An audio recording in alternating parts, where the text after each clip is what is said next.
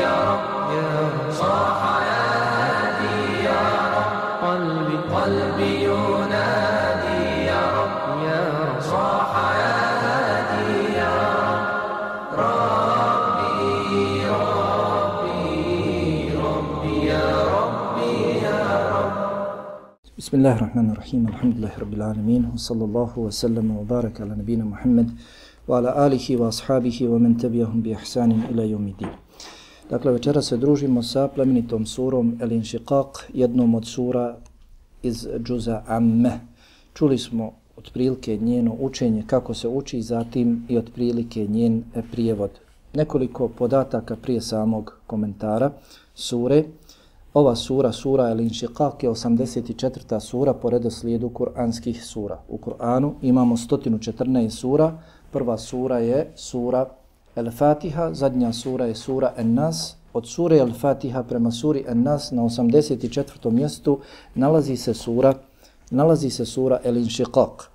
Vidimo u mushafu prije nje dolazi sura El Mutaffifun, a nakon nje dolazi sura El Buruđ koju smo imali prilike slušati prošlog ponedjeljka. Tako je dakle po redoslijedu Kur'ana. Po redoslijedu Kur'ana. Pred smrt Allahovog poslanika alihi salocam poredan je mushaf, poredan je Kur'an. Sabrane su sve kuranske sure, svi kuranski ajeti. Po naredbi Allaha Jalla wa'ala, Džibril je poslaniku alihi salatu wasalam govorio gdje koja sura treba da se nađe, gdje koji kuranski ajet treba da se nađe. Poznato nam je, Kur'an se objavljivao 23 godine, objavljivao se shodno situacijama, stanjima u kojima se nalazio vjerovjesnik alihi salatu wasalam i njegovi vjernici. U početku, dakle, kako su se kuranske sure objavljivale, nije bio ovakav redoslijed. Dobro vam je poznat hadis Huzeife radijallahu ta'alan, koji je klanjao s poslanikom sallallahu alaihi wasallam noćni namaz, pa je vjerovjesnik alaihi sallam dugo klanjao. Hm?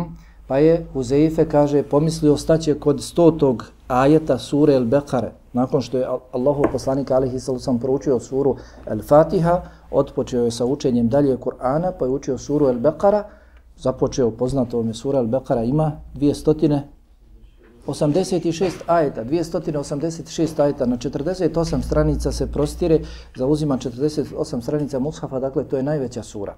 I u njoj se nalaze najveći kuranski ajeti. Pa, kaže Huzefe, pomislio sam nakon stotinu ajeta da će otići na ruku. Kad je proučio stotinu ajeta, dakle od prilike 15 stranica, mislio sam da će otići na ruku. Kaže, međutim, Mela otišao je dalje. Kaže, pa sam pomislio da će 143 na pola sure El Bekare otići na ruku. Međutim, Mela otišao je dalje. Pa je proučio cijelu suru. Kaže, mislio sam kad završi suru El Bekare da će otići na ruku. Ne, već je otišao i šta je učio, šta spominje u hadisu? U hadisu je spominje, učio je, ne, učio je suru Nisa. Pa kada je proučio, proučio je suru Nisa. A sura Nisa, također i ona uzima dvadesetak i više, 30 stranica. Pa kaže, otišao je, proučio cijelu suru Nisa, pa je proučio suru Ali Imran. Međutim, sada, je tako, u redoslijedu, kuranski sura imamo prvo suru El Fatiha, zatim suru El Bekara, zatim suru Ali Imran, zatim suru El Nisa. Dakle, nije tada bio, ali pred smrt poslanika, alihi salatu salam, poredane su sure kako su poredane, kako ih danas imamo. Zato vidimo, dakle, kada se vratimo na tefsire, komentare e, Kur'ana, naći ćemo tamo da komentatori spominju da je po redoslijedu objave ova sura 83. I da je objavljena nakon sure El Infitar, a prije sure Rum. Sura Rum daleko. Sura Rum daleko. Objavljena je prvo sura El Infitar, zatim sura El Inšiqaq, zatim sura Rum. Međutim, sada je nalazimo u mushafu između sure El Mutafifun i sure El Buruđ. Zašto je smještena tu? Zašto nije smještena onako kako je objavljena nakon sure El Infitar i prije sure Rum? Rum je daleko. Prije dvije stotine stranica nalazi se sura Rum. Hm. Vidjet ćemo, dakle, postoji veza jer u Kur'anu ništa nije tek tako ostavljeno. Dakle, sve ima svoju mudrost, sve ima svoj smisao. Kao što vidimo, sastoji se iz 25 ajeta. U tih 25 ajeta nalazi se 107 riječi i u tih 107 riječi nalazi se 430 harfova. Allahov poslanik alihi salavcom kaže, ko prouči jedan harf iz Allahove knjige ima jedno dobro dijelo koje se vrednuje deset puta. I kaže Abdullah ibn Omer, bio je ovdje hadis, govorio sam o tom hadisu, kaže Abdullah ibn Omer radijallahu anhuma, svima, kogod prihvati islam, dobro djelo se vrednuje deset puta. A oni koji uljepšaju svoj islam i budu učvrsti u islamu, njima se računa i više. Znači, čovjek automatski prihvati islam, musliman je, radi dobra djela, Allah mu i svoje milosti. Zašto? Zato što je naš životni vijek daleko, daleko manji od naroda, generacija koji su živjeli prije nas. Živjeli su stotine godina. I imali su priliku da rade i da zarade. Mi nemamo. Mi ne živimo toliko. Rijetki su koji dožive 80. 90. Danas nam omladina umire. Kaburovi mezarja puna omladine. Pa je zbog toga Allah djelovala i svoje milosti dao ovu nagradu, dao nam je noć kadra, dao nam je određene prilike, vremena, situacije, mjesta u kojima se dobra djela daleko više vrednuju. Pa tako, dakle, i ovdje kaže ko prouči jedan harf iz Allahove knjige ima jedno dobro djelo koje se vrednuje deset puta, kaže Abdullah ibn Omer, svima, dok oni koji uljepšaju svoju vjeru, budu čvrsti u svojoj vjeri, njima se vrednuje i više, do sedamstotina puta pa, pa i više.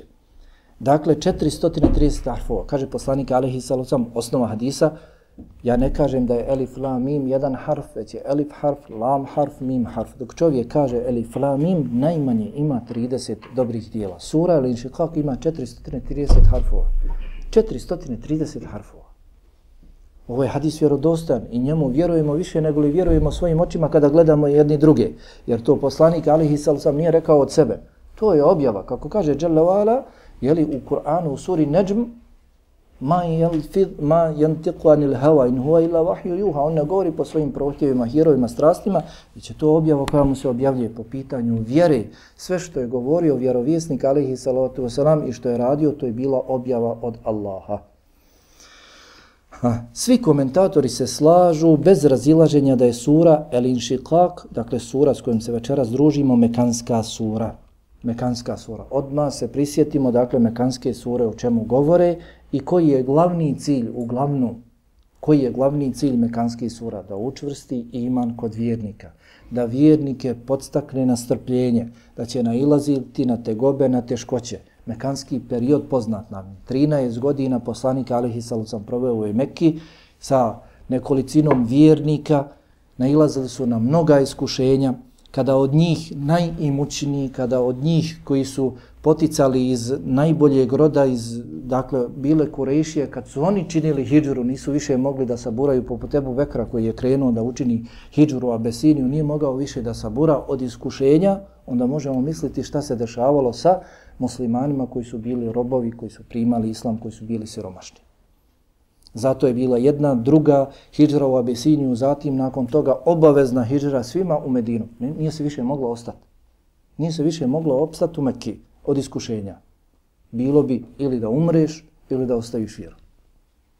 Hm. Pa mekanske sure dolaze 13 godina, trpi, trpi, trpi, učvršćuj iman i to je ono. Ko hoće da ostane strpljiv i da ostane u svojoj vjeri, mora dakle da učvršćuje svoj iman najbolji način kako učvrstiti svoj iman jeste Allahova knjiga. Čitaj. Čitaj o svome gospodaru, čitaj o drugome svijetu, čitaj da ono što budeš radio sigurno ćeš naći kod Allaha subhanahu wa ta'ala na drugome svijetu i svi drugi oko tebe što budu radili sigurno će naći. I od Abdullaha ibn Abbas radijallahu anhuma se prenosi da je rekao sura i da se maun šakat je mekanska sura. Objavljena je u Mekki. U većini mushafa i većini tefsira, dakle knjiga koje se bave komentarom Allahove knjige, Kur'ana, ova sura se najčešće naziva El Inshiqaq. Sura El Inshiqaq. El Inshiqaq. I dobila je e, naziv po značenju prvog ajeta. U prvom ajetu se kaže ide sema un šakat.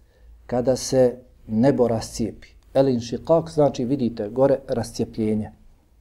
Elin šiqaq je infinitiv, dakle od glagola in i inšakku. Rascijepiti se. El šiqaq rascijepljenje. Dakle, dobila je naziv po značenju prvog ajeta. Rascijepljenje nebesa. E, ashabi ču, čuli ste. Abdullah ibn Abbas kaže sura ide se maun šakat, objavljena je u Meki. Jedno od imena ove sure koje se najčešće spomnje u hadijskim knjigama, knjigama hadisa, dakle knjigama gdje se spomnju hadisi vezani za Kur'an, poput imama Buhari, on u svome sahihu ima poglavlje o tefsiru, komentaru Allahove knjige. I dakle spominje određene hadise, ono što je preneseno po pitanju kuranskih sura i ajeta. Kada dolazi do sure Linšiqak, imenuje, je, imenuje ovu suru i da se maun. Cijeli prvi ajet. I također imam tirmizi u svome sunenu. Od njenih imena jeste također inšekat. Baš, dakle, onaj glagol koji je upotrebljen. Inšekat. Zatim sura Kedah. Naziva se još ova sura, sura Kedah. Sigurnog idenja prema Allahu subhanahu wa ta'ala. Nema ostati. Nema negdje se skloniti. Nema negdje zastati i ne doći. Sigurno ideš ka svome gospodaru. Također se zove još sura Šefek.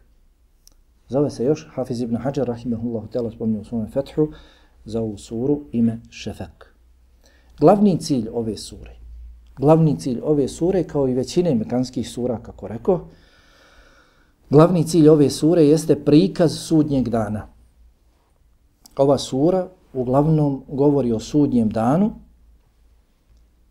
te želi naglasiti maksimalnu pokornost svega oko nas, Allahu dželavala. Naročito dakle tada, kada nastupi sudnji dan. Desit će se velike promjene.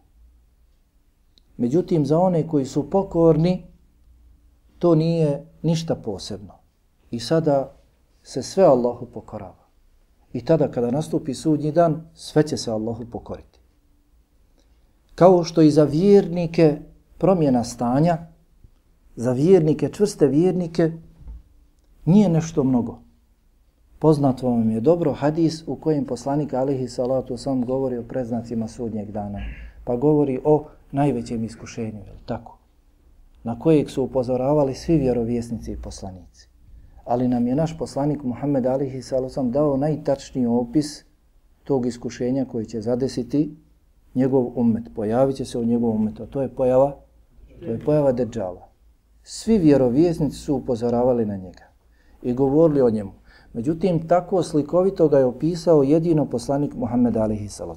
U tom hadisu se spominje kada se pojavi prvi dan koliko će trajati drugi dan koliko će trajati, treći dan koliko će trajati.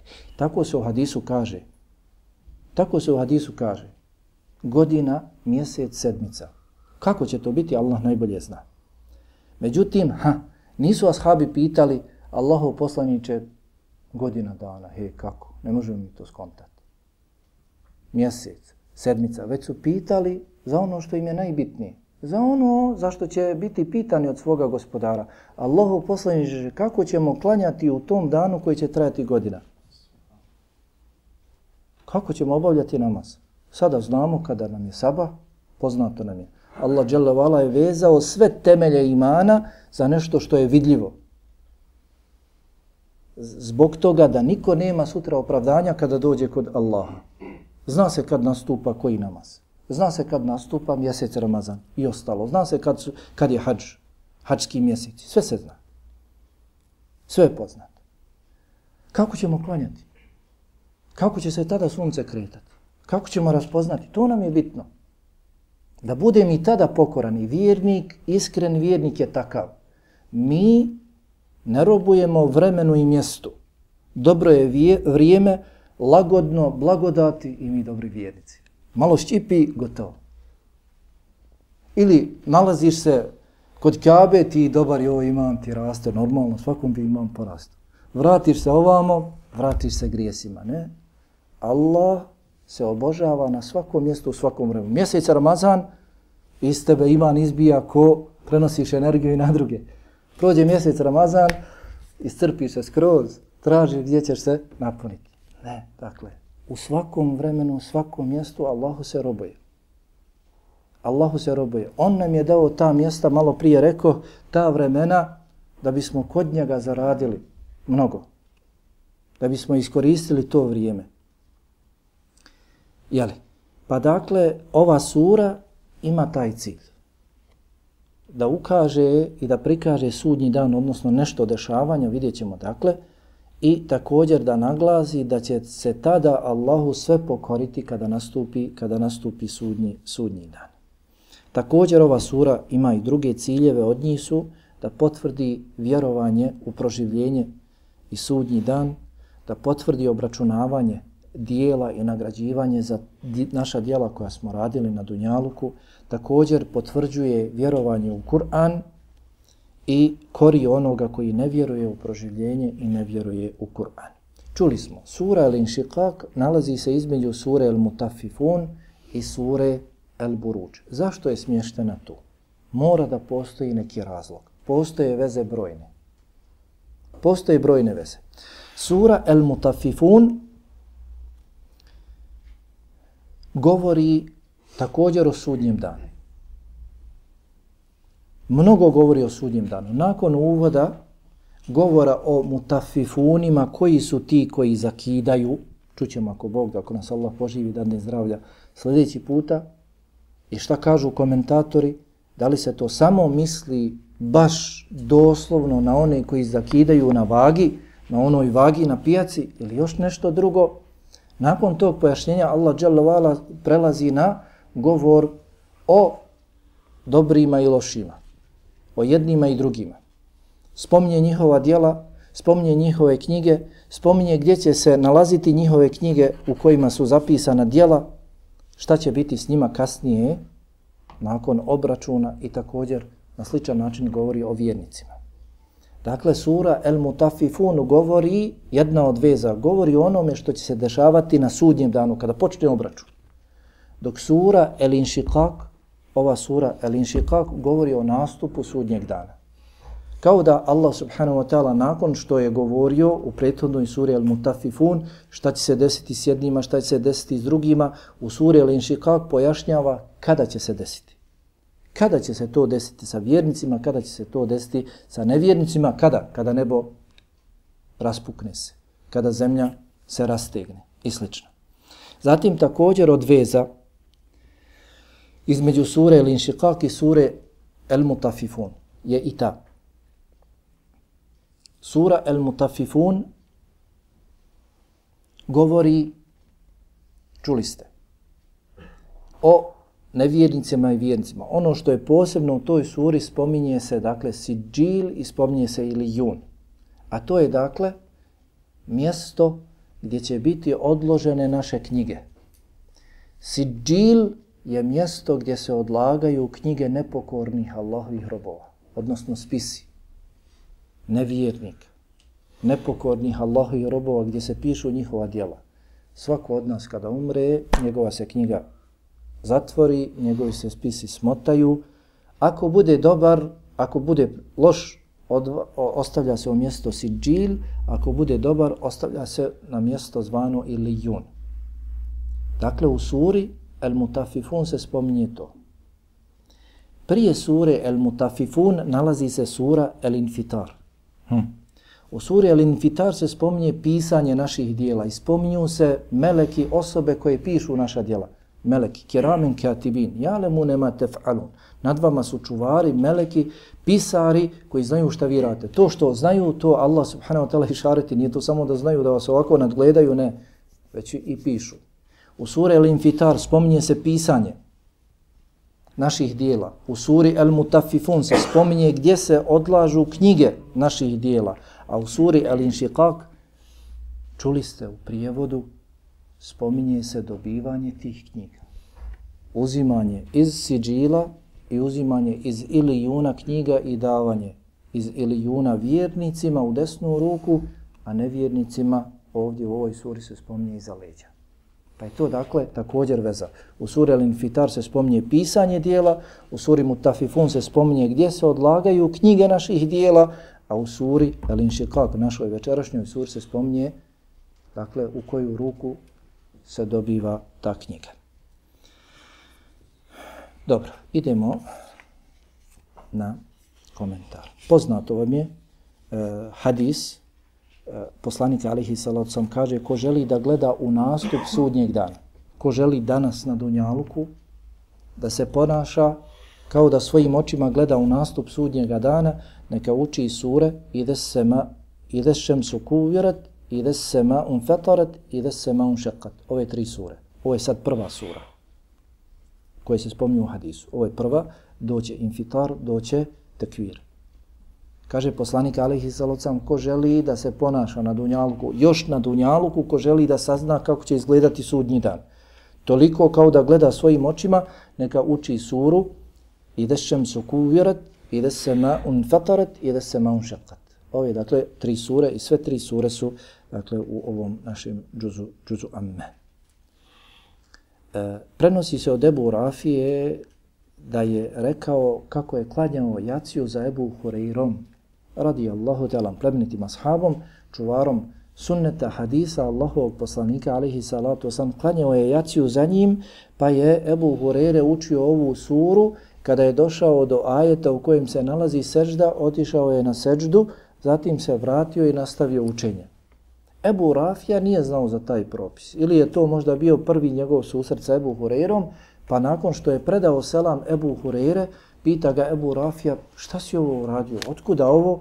Kaže, klanjao sam za Ebu Qasimom, Muhammedom, sallallahu alaihi wa sallam, pa je učio ovu suru i uradio je ovako seždu kao što sam i ja uradio. I neću prestati činiti e, u ovoj suri seždu sve dok ga ne sretnem sve dok ne sretnem poslanika Muhammeda sallallahu alaihi wa sallam. Dakle, Allah subhanahu wa ta'ala nakon što je sa bismilom odvojio ovu suru, el inšiqaq od sure el mutafifun kaže Ide sema unšaqat. Ide sema unšaqat. Kada? Ida je kada. Sema je nebo. Kada se nebo rascijepi kada se nebo rascijepi. Dakle, Allah subhanahu wa ta'ala sada odpočinje ovu suru spominjući predznake sudnjeg dana, odnosno znakove, pokazatelje, kada se puhne u sur prvi puta šta će se dešavati sa kosmosom. Nema ni jedne sure da je u njoj sve to spomenuto. Ali dobrim dijelom se spominje u jednoj i u drugoj, dakle, kada bi se neko pozabavio pa to sakupio sve, bilo bi zasigurno korisno. Ovdje Allah subhanahu wa ta'ala spominje cijepanje nebesa. Cijepanje neba, prije svega nama dunjaloškog, zato što njega jedino i vidimo. Ono će se rascijepiti. Danas ne vidimo pukotina. Danas ne vidimo pukotina. U suri Mulk, na početku sure Mulk, dakle u drugom džuzu, džuzu Tebarek, pred zadnjem, jeli džuzu, drugom od kraja, Allah subhanahu wa ta'ala kaže, pogledaj, nekoliko puta pogledaj, digni svoj pogled, traži pukotine, procijepe na nebu, nećeš naći. Danas ne postoji. Danas kad je sve skladno. Međutim, kada nastupi sudnji dan, dešavaju se velike promjene. Tada od tih promjena biće i da će se nebo pocijepati. Ako se sjećate sure El Fajr, spominjao sam tamo, šta kažu komentatori, zašto će se nebo rascijepiti.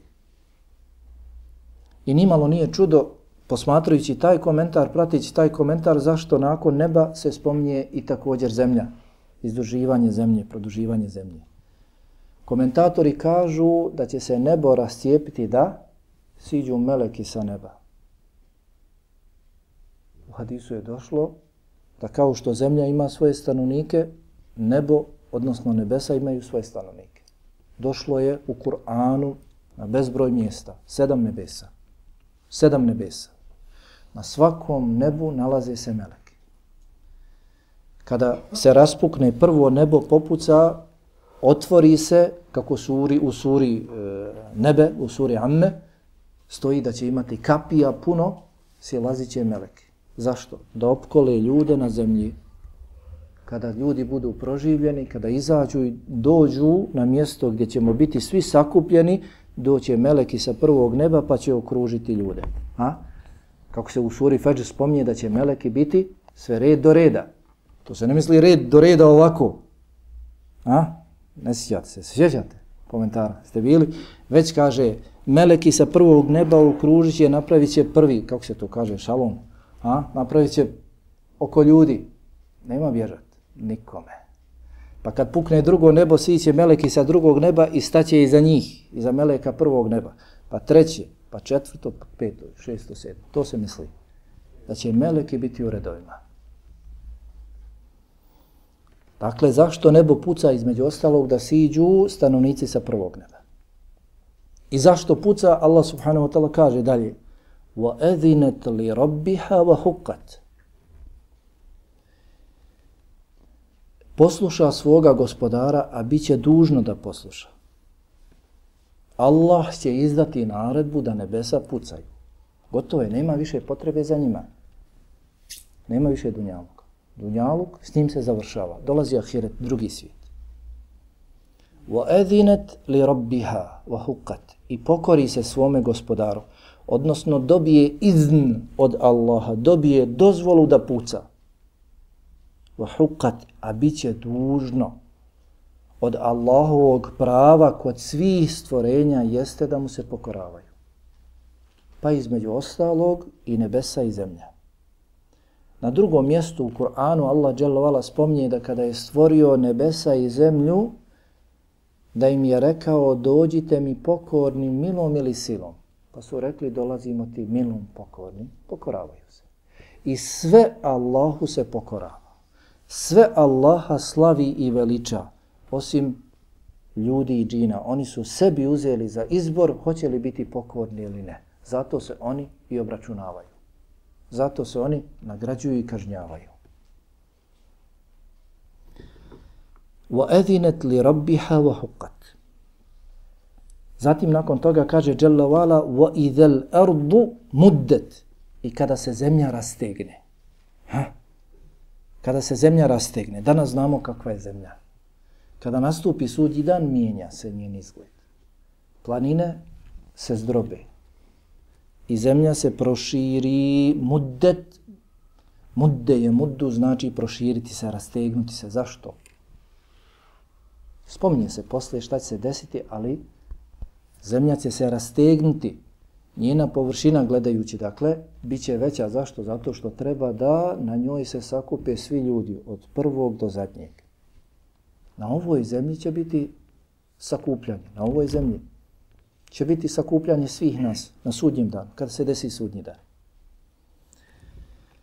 Wa alqat ma fiha wa takhallat. I kada izbaci sve što je u njoj. Ako se sjećate, iako je to bilo podavno sura, ha, zilzal, tamo sam spominjao šta sve komentatori kažu da će zemlja izbaciti iz sebe prije svega i ono što je nama najbitnije što se tiče nas jesu ljudi, odnosno mi. Wa alqat ma fiha. I kada izbaci ono što je u njoj, wa takhallat i potpuno se isprazni, znači nema šanse Eldare da ćeš ostati u zemlji. Nema šanse Hajrudina se negdje moći sakriti. Ne, ne, valja izaći pred gospodara, dobit knjigu, čitat knjigu, priznat ili osporit, vagat, gledat šta se vaga i gledat gdje ćeš završiti nema nikom da se sakrije. Wa takhallat znači potpuno se isprazni zemlja od ljudi. Zašto će tako uraditi? Wa azinat li rabbiha wa huqqat. Zato što će Allah narediti i ona će mu se pokoriti, a dužna je da mu se pokori. وَأَذِنَتْ azinat li rabbiha. Dobiće izn također iz svoga gospodara. Mnogi kažu da zemlja, pogotovo dakle, nevjernike teško trpi u sebi. Spominju se predanja ili tako kada nevjernik umre, kako ga dočeka zemlja. Pa kaže, težak si nam bio dok si hodio po nama, sad si još teži kad si u nama. Hm. Pa će poželjeti da što prije se riješi takvih, takvih ljudi. Dakle, Allah nam ovo ne spominje da mi sad strahujemo da ja sad onaj prebirim se šta ću, večeras ne mogu spavat, lomit prste, jest, ne. Allah nam spominje ove događaje u ovoj suri i u drugim surama da se pripremamo za njih. Da se pripremamo za njih. Allah će nas proživiti, ne da se s nama igra. Allahu to nije svojstveno, Allahu to ne treba. Allah će nas proživiti da nas obračuna. Nemojmo zaboraviti nikada, Allah nas je doveo na dunjaluk iz milosti prema nama. Propisao nam je ibadet iz milosti prema nama. Allahu nije potreban ibadet. Allah je bio, nikoga nije bilo. Allah je bio i nikoga nije bilo. Nakon toga Allah je stvarao. Dakle, Allah je postojao kada nikoga nije bilo. Allahu niko nije potreban. Postojao je. Allah je od uvijek i za uvijek. On je prvi i zadnji. Nije potreban nikoga. Dobro, zašto nas je stvorio i zašto je propisao nam ibadet? وَمَا خَلَقْتُ الْجِنَّ وَلِنْسَ إِلَّا لِيَبُدُونَ Džine i ljude nisam stvorio osim da me, da me obožavaju. Dobro, zašto si nas gospodar stvorio da te obožavamo kada ti nisi potreban ibadet? Je Allah potreban ibadet? Nije, Allah nije potreba nikoga. Naš ibadet, kako je došlo u hadisu, imali smo 24. hadis iz 40 nevi hadisa, Ebu Zera, hadis Ebu Zera gdje Allah dželavala hadis kuci kaže o ljudi kada biste vi bili svi od prvog do zadnjeg bogobojazni poput najbogobojaznijeg od vas, to ništa ne bi moju vlast uvećao. Allah kaže, svi vi, hej, koliko je ljudi na Dunjalku i to kaže od prvog do zadnjeg, kada biste bili najbolji, poput Muhammeda alihi salatu, to ništa moju vlast ne bi uvećao. Kada biste bili najgori, poput Ebu Džehla, poput Faraona, svi od prvog do zadnjeg, to ništa ne bi moju vlast umanjilo. Jer Allahu niko nije potreban. Šta dalje se kaže u hadisu, kada biste svi vi, od prvog do zadnjeg, stali, sakupili se svi od prvog do zadnjeg i svako od vas od mene zatražio što mu treba. Hej, znaš, za mjesec dana susrećeš se sa gospodarom i daj ti sve što hoćeš. I ti pišeš, pišeš, jedan list, pišeš, pišeš, drugi list, hej, pišeš, ne možeš ti biti više sveska, druga sveska, ne tovariš, gospodar, gospod, i Allah ti sve dadne. Šta kaže Allah posle? To ne bi umanjilo moju vlast. Nikoliko kada se igla spusti u more. Koliko će igla kada se spusti u more uzeti vode? Ništa. Dakle, Allahu to ne treba. Kome treba? Treba nama. Allah subhanahu wa ta'ala kaže وَلَا يَزَالُونَ مُخْتَلِفِينَ وَلَا يَزَالُونَ مُخْتَلِفِينَ Neće prestati se razilaziti ljudi. Illa men rahima rabbuk. Osim oni kojima se smiluje tvoj gospodar, وَلِذَالِكَ خَلَقَهُمْ A zbog toga ih je stvorio. Pa kažu komentatori iz ovoga ajeta se zaključuje da je Allah stvorio ljude da im se smiluje. Illa men rahima rabbuk walidhalika khalaqahum. Ha? A osim onih kojima se tvoj gospodar smiluje, a zbog toga ih je stvorio. Stvorio nas je gospodar da nam se smiluje. Da nam ukaže svoju milost. Da nas uvede u džennet. Allah nas je zbog toga stvorio njegova plemenitost, njegova dobrota. Zato nam je nik, uvijek vam kažem, nemojmo nikada zaboraviti i nemojmo teško prihvatati namaz. Joj, ko će klanjati? Sabah valja ustati, jacija valja okasniti. Post i ostalo. Dolazi Muaz ibn Džebel i kaže Allahov poslaniće obavijesti me o dijelu koje će me uvesti u džennet i udaljiti od džehennema. Pa mu kaže poslanik alaihi sallam pet, šehadet, namaz, post, zekat, hađ. Šta je, kaže Muaz ibn Džebel, hoću u džennet i da budem što dalje od džehennema. Znači, šehadet, moraš biti musliman. Namaz, post, zekat i hač. Bez toga nema u džennet. Zato nam, a to su temelje Islama. Allah nam je propisao temelje Islama kako bismo ušli u džennet. Bola. Kako bismo ušli u džennet. Sve ono što nam je propisano, s tim se ulađi u džennet. Sve ono što nam je strogo naređeno, stavljeno u obavezu, Nije bolan to nam Allah toliko strogo naredio da se mi patimo. Ne, već Allah želi da uđemo u džennet. Bez toga se ne može ući u džennet. Zato pocrtava, pocrtava, pocrtava. Zato je namaz toliko ozbiljna stvar kod nas. U islamu. Ne možeš bez nje u džennet. Ja sam hadis. Hoću da uđem u džennet i da budem što dalje od džennema. Kaže šehadet, zatim toga namaz. I slično. Hm. Dakle, Allah nam govori i spomni ove događaje kroz svoju knjigu da se pripremamo za njih. Kur'an nije štivo knjiga koja se tako čita i opet čita i opet čita, već se izučava, proučava, podlači, zapisuje, svoj život se usklađuje po njoj. Ashabi, kako su učili Kur'an? kažu, učili smo kod poslanika alihi salacom deset ajeta, ne bismo prelazili na sljedećih deset ajeta dok nismo ih iscrpili skroz, dok nismo naučili kako se uči, dok nismo saznali značenja, dok nismo saznali šta nam Allah poručuje u tim ajetima. Kako da mi uskladimo svoj život po njima. Koran je zbog toga objavljen. Kaže Allah subhanahu wa ta'ala nakon toga. Ja ejuhel insan, inneke kadihun, ila rabbike kedhan, femulaqih. O čovječe, ti zasigurno ideš ka svome gospodaru. Htio ili ne? Vrijeme te ne pita. Prolazi.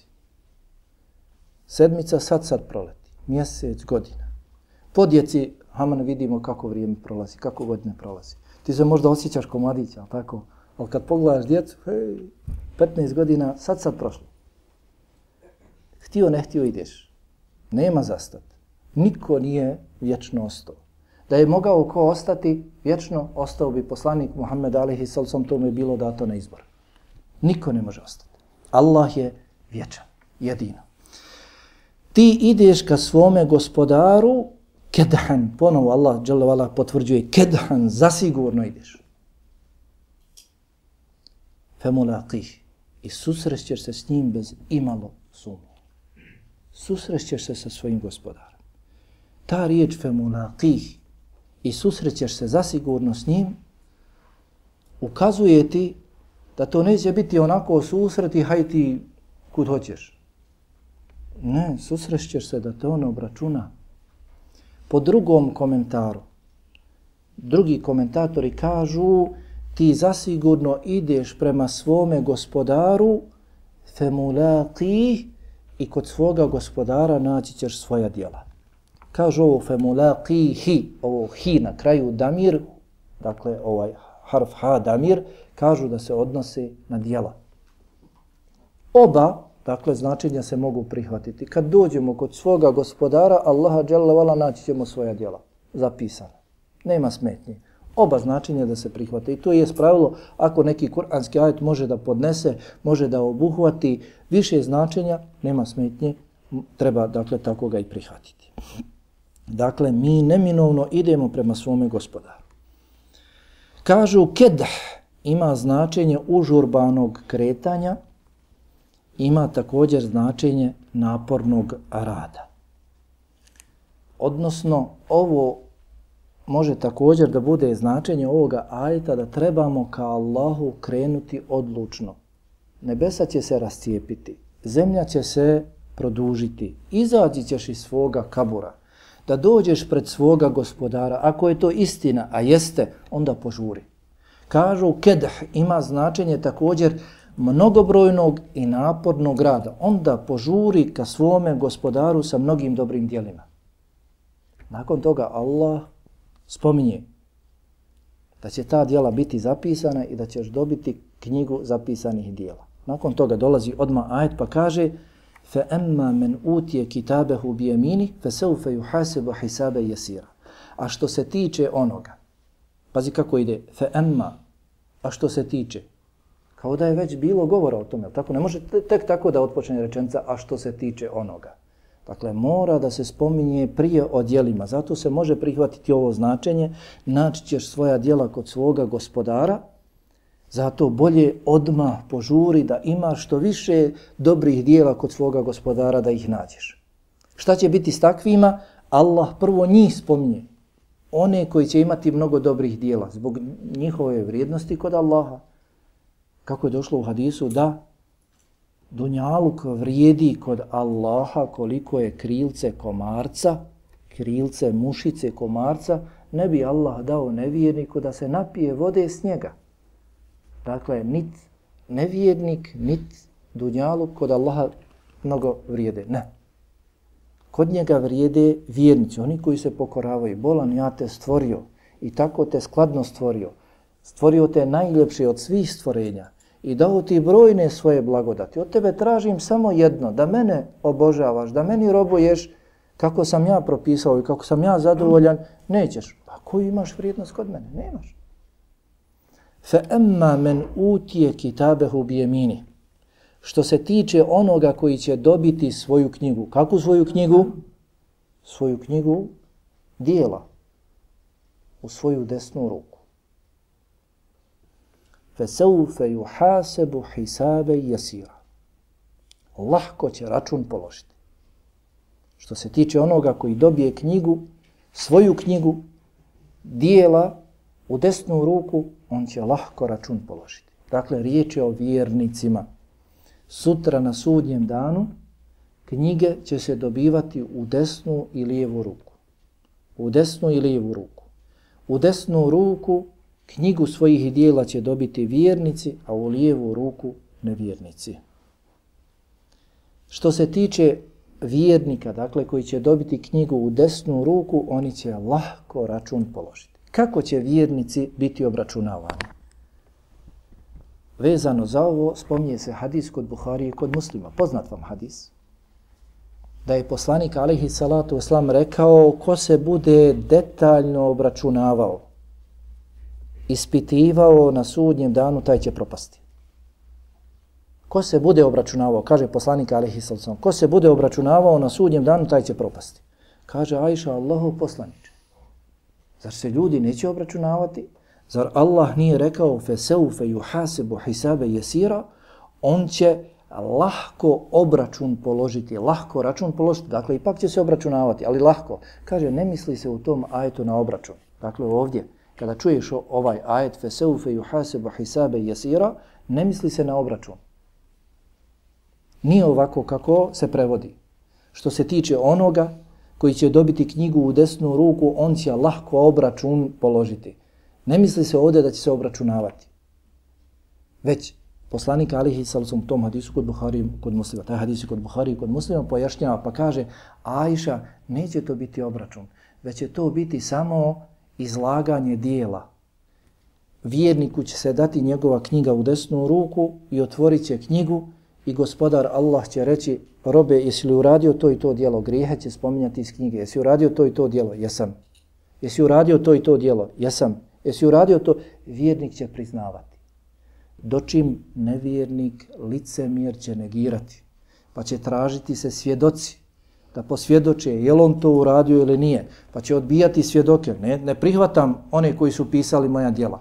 Ne prihvatam ljude oko sebe. Ne prihvatam, ne prihvatam. Pa kako Allah spominje na mnogim mjestima u Kur'anu, između ostalog u suri Yasin, da će zapečatit se njegova uspra.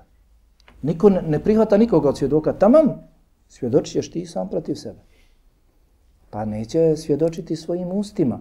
Da on govori što on hoće. Ne, Allah će zapečatiti njegova usta pa će ruke, Allah je svemoćan. Allah je svemoćan. Kao što je danas dao ustima jeziku da govori, da će sutra na sudnjem danu rukama da govori. Da govore. Nogama da govore. Pa će ruke govoriti šta je radio svojim rukama. Oči će govoriti šta je gledao svojim očima. Uši šta je slušao svojim očima. Zapečat će se, propašće. Zato kaže poslanik Alihi Salzom, kome se bude detaljisalo, ko se bude obračunavao, ko ne bude priznavao, već se budu tražili svjedoci, dokazivalo, objeđivalo, taj će propasti. Hm. Dakle, kaže, to nije polaganje računa, nego pokazivanje i izlaganje dijela. Ovdje se misli, feseu fe juhasebu hisabe jesira, on će lahko račun položiti na takav način. Na takav način. Allah će ga pitati za pojedine grijehe i čovjek će priznati i vidjet će se da čovjek priznaje, da se ne oholi, da se ne uzdiže, jesam gospodar, učinio sam. Pa će Allah dželovala reći sakrio sam ti ih na dunjaluku da nas tih oprašta. Hm. Feseufe yuhasibu hisabe yasira. Dakle, lahko će taj svoj račun položiti. Nakon toga, vajen kalibu ila ehlihi masrura. Vratit će se svojoj porodici radostan. Pratite ove detalje. A vratit će se svojoj porodici gdje u džennetu oni koji su prije njega završili. Ušli u džennet. Jer neće, dakle, svi ljudi ulaziti u džennet, tako dokaz, neće svi ljudi is, is, zajedno ući u džennet. Dokaz tome je, šta? Prije svega je li ovo istina što kažem, je li u redu ovo što kažem, ha? Prvo zato, ha? Ima hadis da će siromasi ući u džennet, ha? Prije na pola dana od imućnih. Jedni i drugi su dženetlije, ali će siromasi ući ranije. Pa će neko, dakle, otići prije. Ovdje se spominje vojan kalibu ila ehlihi, pa će se on vratiti, doći svojoj porodici u džennet ili vratiti se svojoj porodici koja je već obračunata i čeka, dakle, vaganje dijela i dalje da se ide, radostan. Pazite, radostan tad. Naš narod kaže, šta? Najslađe se smije onaj koji se zadnji ostavi svoj smijeh, ostavi svoju radost za ove trenutke. Za ove trenutke. Da ti radost, da ti smijeh tad bude, budu najslađi. Nemoj na Dunjaluku svoj život provoditi u smijanju, da ne kažem cerekanju, igri, zabavi i sl. Jer se ovakav detalj spominje za sljedeću kategoriju sada Kaže, وَأَمَّا مَنْ أُوتِيَ كِتَابَهُ وَرَاءَ ظَهْرِ A što se tiče onoga koji će dobiti svoju knjigu iza leđa, kako sad iza leđa? Iza leđa u lijevu ruku. Iza leđa u lijevu ruku će dobiti. Allah ovdje spominje, u suri Haqqa spominje u lijevu ruku. Ovdje spominje iza leđa. Iza leđa u lijevu ruku. Pojedini kažu komentatori, Allah najbolje zna, da se ovdje misli između ostalog i na licemjere, petokolonaše, licemjere, dvoličnjake, koji su se na Dunjaluku pretvarali. Kada im treba nešto kod vjernika, onda su s vjernicima. Kada im treba, a u osnovi su ovamo sa nevjernicima. Jer su licemjeri oni koji kriju nevjerstvo u svome srcu, a pokazuju, a pokazuju islam. Nešto od islama rade, Oni su za nas na dunjalku muslimani, ali će ih Allah razotkriti sutra na, na drugome svijetu. Kažu komentatori da će poželjeti i na drugome svijetu da se prikriju. Međutim, tada postaje javno ono što je u prsima. Ha? Iznijeće se. Znaće se za to. Nema šanse da se ti sutra prekriješ. Pa kažu komentatori da kada ovi licemjeri koji znaju šta im je bilo u prsima, vide one kojima su se na Dunjalku s vremena na vrijeme priklanjali vjernike, kako dobivaju knjigu u desnu ruku, ha? kažu da će staviti svoju lijevu ruku iza leđa. Pa će reći, mi nemamo osim desne ruke, hoćemo knjigu u desnu ruku. Nemamo osim desne ruke.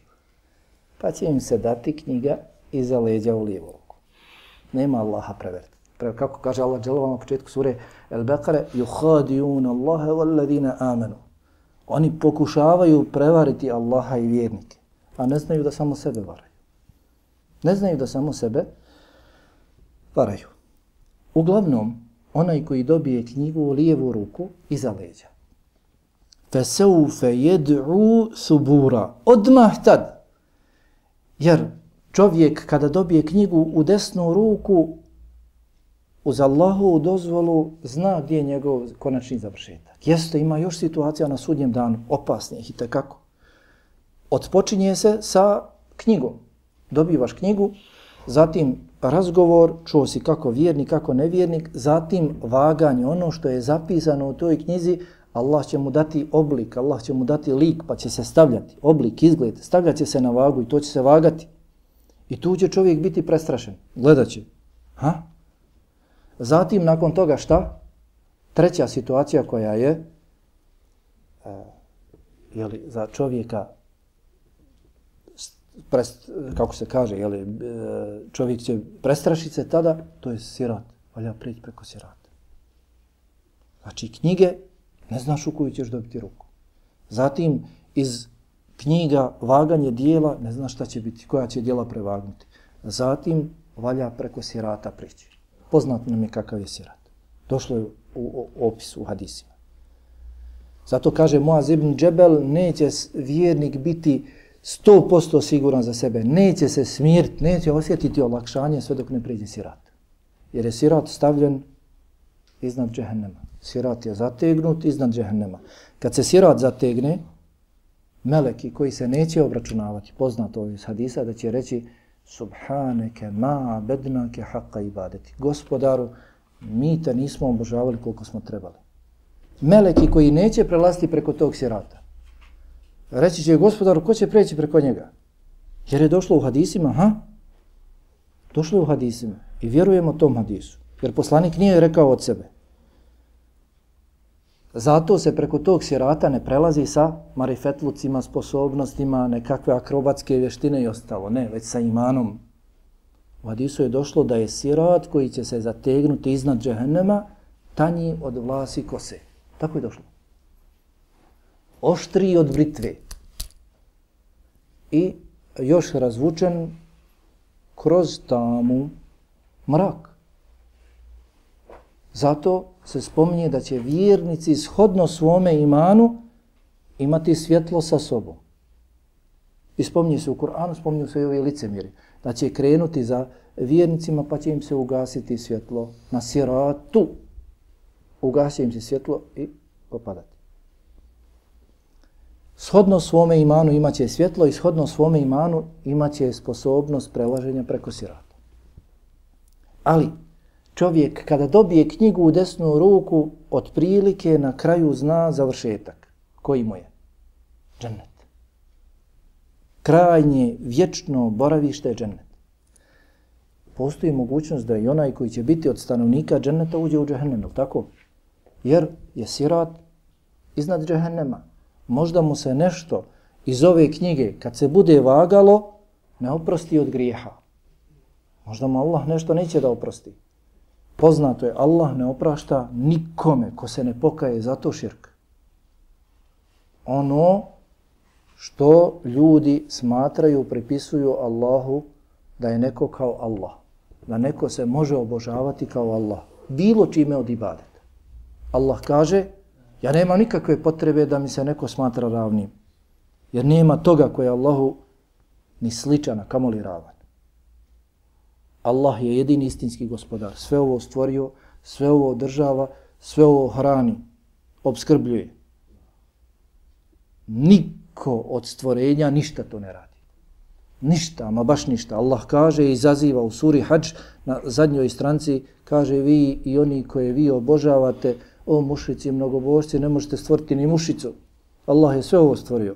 Naprotiv, ne možete ono što vam mušica pojede vratiti ponovo, da bude izgleda, da izgleda onako kako je bilo prije nego što je ona pojela i poznato je to dokazala je nauka da čim dođe kiselina, da mijenja se, više se ne može povratiti u prvobitno stanje. I kako možete Allahu smatrati te kipove? Zato Allah dželle kada spominje ulazak u džehennem šta kaže? Mušricima, mnogobošćima, nevjericima, kaže i vaša božanstva će biti s vama. Da znate da vam ništa ne mogu pomoći. I njih ću strpati u džene. Hm. Pa dakle, čovjek nije siguran, možda uđe, ali zna krajnje boravište je džennet. Kao i onaj koji dobije knjigu u lijevu ruku, zna gdje mu je. Gotovo je. Zato Allah kaže, ha, ovdje. Šta kaže? Wa amma man utiya kitabahu wara'a dhahri, što se tiče onoga koji dobije svoju knjigu dijela iza leđa, što kaže dalje? Fa sawfa yuhasabu hisaban yasira. Nije došlo wa. Nije došlo wa sawfa yuhasabu wa sawfa yad'u subura. Već je došlo fa. Ha, neko bi rekao, a šta je sad fe i ve? Zar ima to razlike? I te kako velike razlike ima? Harfa kada dođe, onda ukazuje odmah da će se to desiti. Odmah požurivanje. A kada dođe harfu vav, nakon izvjesnog vremena desit će se to. Nakon izvjesnog vremena. Ne, ovdje Allah kaže, kada nevjernik dobije knjigu u svoju ruku, lijevu ruku iza leđa, feseu jedu subura, odmah će početi prizivati propast, jer zna gdje je. Zna gdje mu je završetak. Odmah će početi kukati. Na, u drugim surama se spomnje bolje da nisam ni dobio svoju knjigu, bolje da nisam ni živio, bolje da nisam ni proživljen, bolje da sam zemlja bio, da nisam bio uopšte čovjek. Tako će prizivati, govoriti. Zašto? Jer zna džehennem. I to nije džehennem dan ili dva, godinu ili dvije, već vječnost. Vječnost. Wa سَعِيرَ, sa'ira, kaže Allah. فَسَوْفَ يَدْعُ subura, odmah će propast prizivati, وَيَسْلَا سَعِيرًا i u ognju će gorjeti. Ući će u sa'ir. Biće uveden u rasplansanu džahnemsku vatru. Šta kaže nakon toga Amire? Innehu kane fi ehlihi mesrura. Zato što je on bio sa svojom porodicom sretan, radostan, provodio život u igri i zabav. Smijao se kada nije bilo vrijeme. Kada nije bilo vrijeme ostavi svoj smijeh, ostavi svoju radost za drugi svijet. Najslazije se smije onaj koji se zadnji smije. Innehu kane fi ehlihi mesrura. Jer je on sa svojom prevedenoj čeljadi ehlije, inače porodica, dakle i žena i djeca, svi. Na takav način proveo svoj život. vidi mi, dođi mi, more ovdje, planine tamo, snijeg, ovo, ono.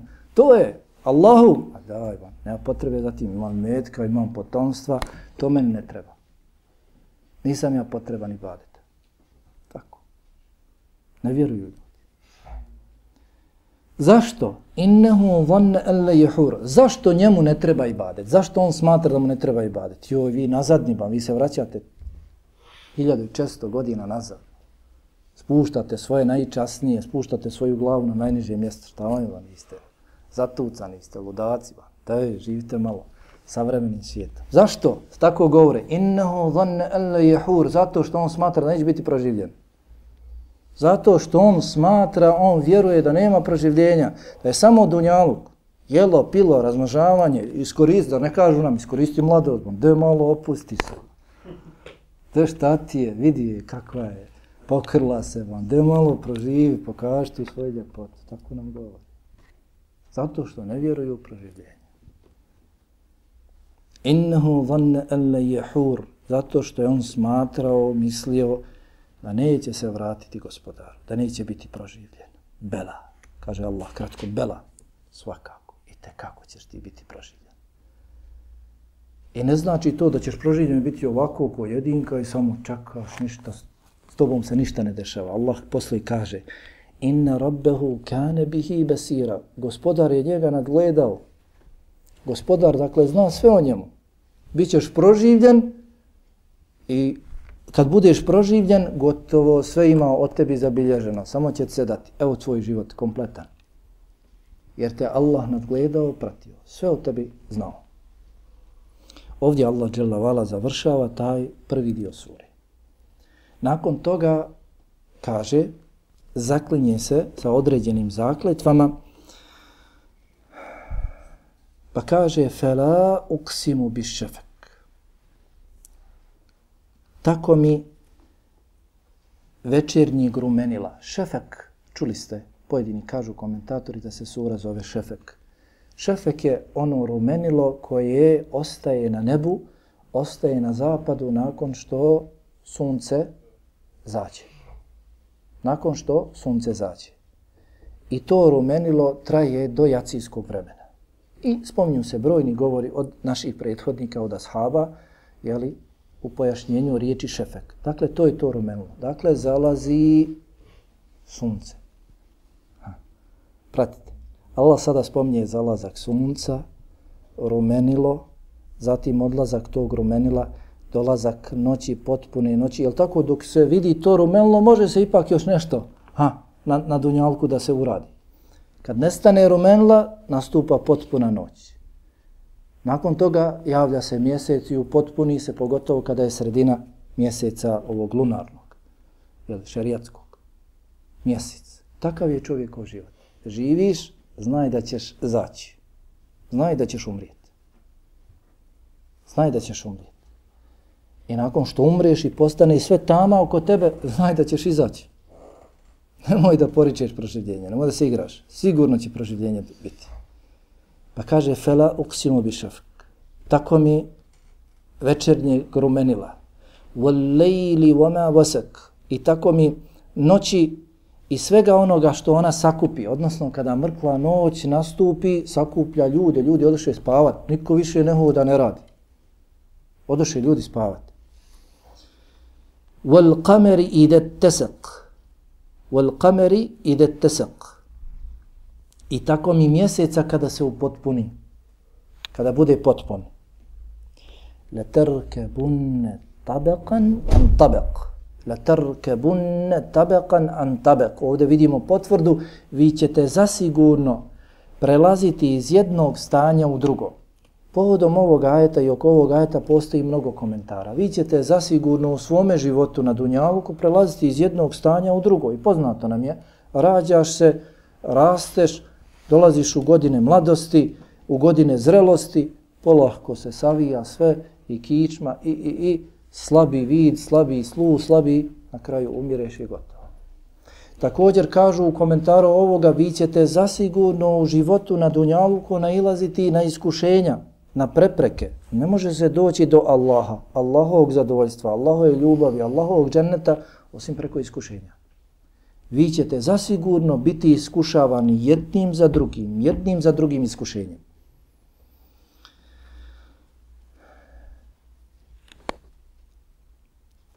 Međutim, dakle, prioritetnije je ono prvo značenje koje sam spomenuo, jer Allah spominje zalazak sunca, spominje rumenilo, spominje nakon toga noć, mrklu, nakon toga spominje mjesec. Hm. Pa isto tako kako polahko jeli, dolazi smjena dana, noći, isto tako i vi ćete sa ovoga dunjaluka otići na drugi svijet, ahiret. Pa nam Allah spominje ono što svi vidimo. Vidimo svi to rumenilo, noć, mjesec, kaže nakon toga i vi ćete isto tako polako sa ovoga svijeta otići, zato nakon toga kaže fema lehum la yu'minun. Šta im je pa ne vjeruju? Svojim očima gledate kako sva stvorenja prolaze. Svim stvorenjima dođe kraj, na neki način. I vama će doći. Bolan, ovo dugme na košulji ima svoju svrhu, da ga zakopčaš i da fino izgledaš. Cipele imaju svoju svrhu, da ih obučeš i da se ne nahladiš po zimi. Sve ima svoju svrhu. Koju volam ti imaš svrhu? Šta ti ovdje na Dunjavku? Sve ima svoju svrhu. Što se ne zapitaš? Ne možeš tek tako. Pratiš sva stvorenja.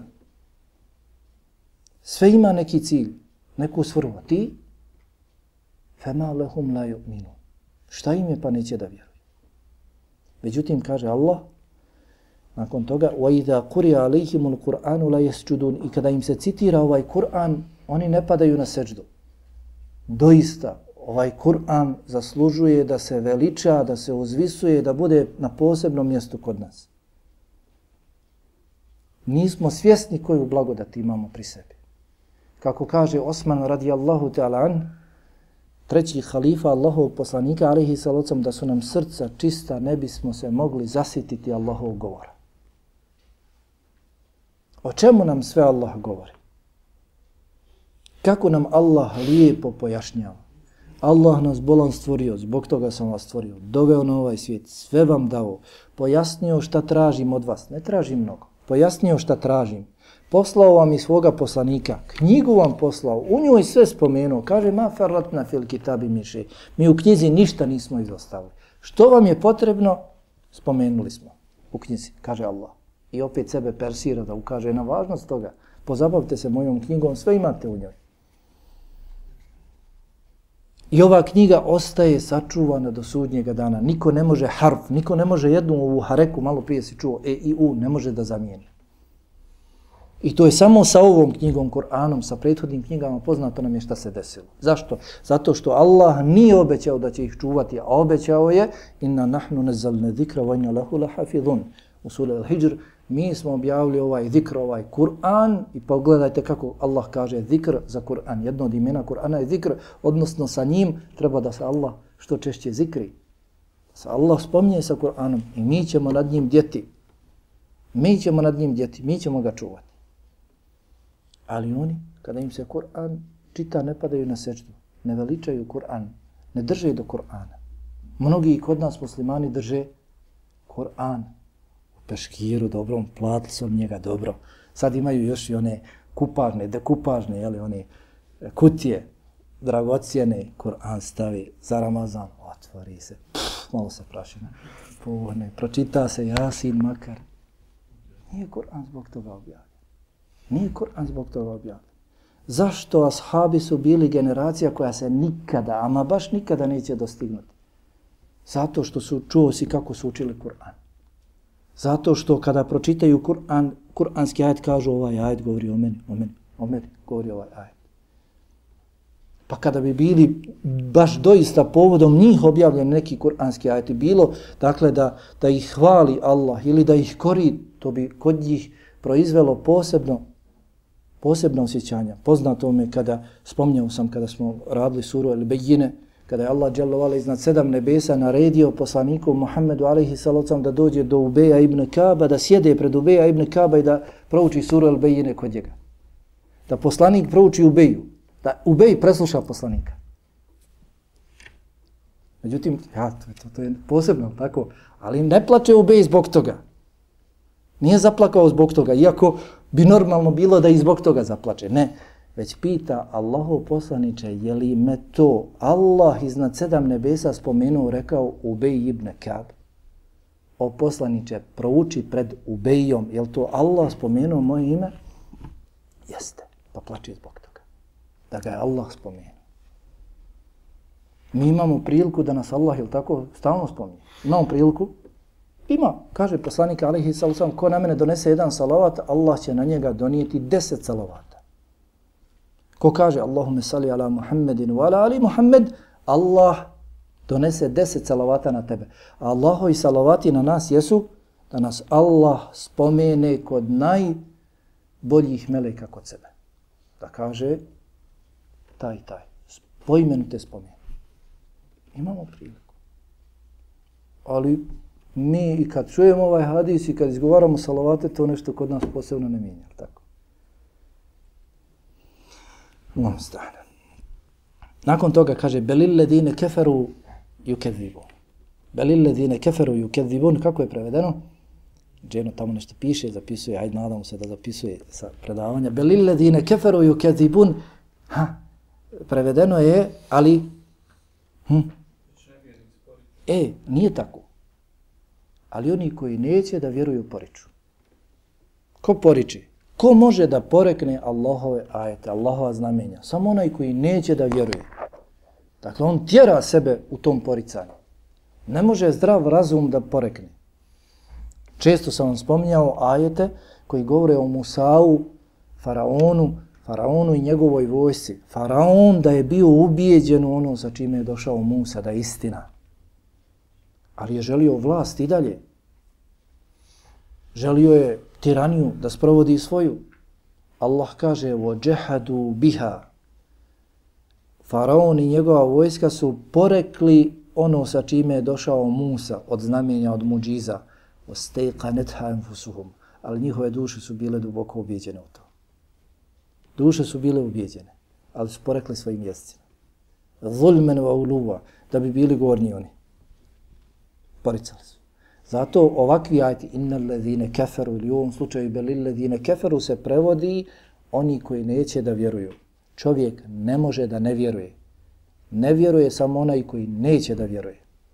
I to nalazimo također u Siri, životopisu Allahovog poslanika, alihi salatu wasalam, Ebu Džehl, koji je bio ha, faraon ovoga umeta, govorio bi kada bi se osamio sa svojim također vođama Korešija kaže, tako mi je Allah ono sa čime je došao Muhammed istina.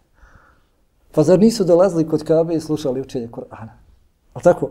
Poslanik Alihi Salosam bi se na, naslonuo, došao bi noću kod Kabe, naslonuo bi se na jedan ugao, na jedan čošak, na jedan ugao Kabe, a njih trojica bi došli na ostala tri i slušali ga cijelo večer.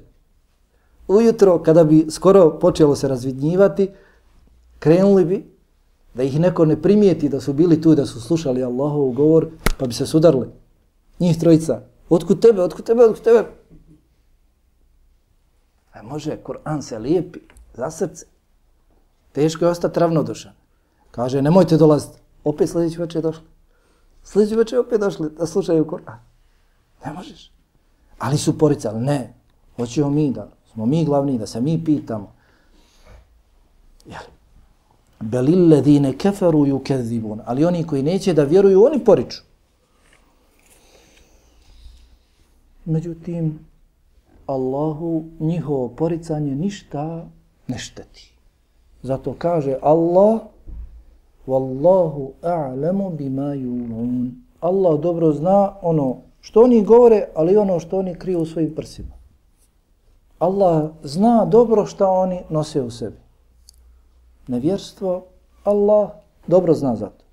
Allahu ništa nije strano.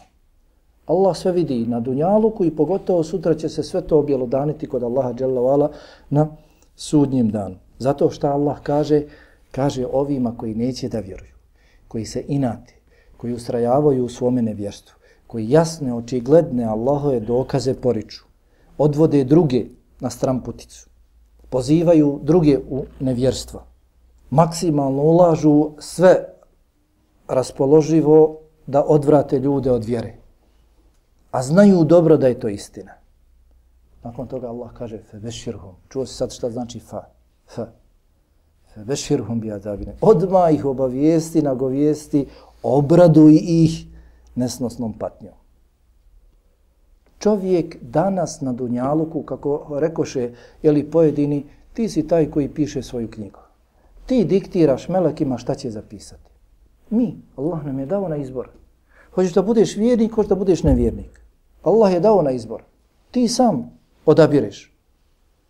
Zna se kako treba vjerovati i kako svoje vjerovanje dokazati i šta raditi, moliti Allaha prije svega i ostalo šta raditi da te Allah učvrsti na ovom putu. Nećeš da budeš takav, čuo si. Febeširhum bi azabine li obradu ih nesnosnom patnjom. Čovjek još na dunjaluku neka očekuje na dunjaluku neka zna šta ga čeka na drugome svijetu. Ko neće da vjeruje?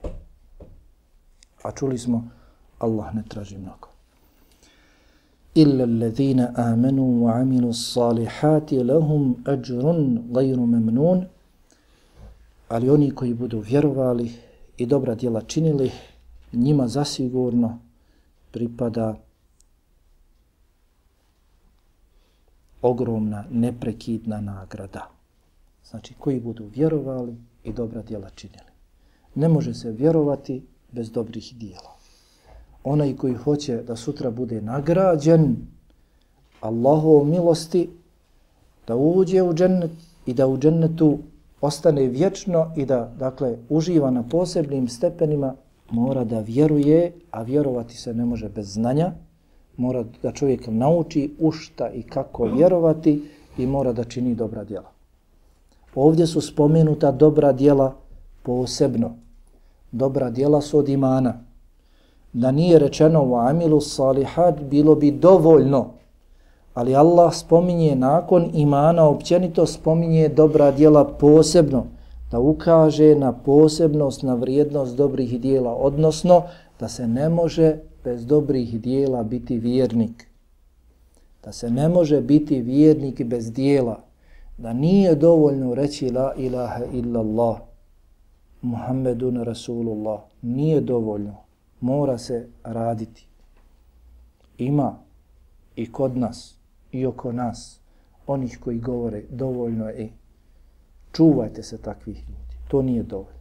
Da je bilo dovoljno ne bi poslanik alejhi salam klanjao toliko da su mu pete pucale od dugog stojanja ne bi trpio sve to. Rekao bi la ilaha illallah Muhammedun Rasul, ne mora niko ni čut. I njegovi ashabi, i, i zbog čega sve to? Već izlaze, čine hijđru, ne mogu da praktikuju svoju vjeru. Dobro, ako ne treba praktikovati svoju vjeru, ako je dovoljno da se kaže la ilaha illallah, zbog čega? Zašto su te hijđre bile? Zašto je bila obaveza da idu u Medinu? Ne, ne može bez dijela, ne može bez namaza i čuo si ostalog, vjera da obstoji.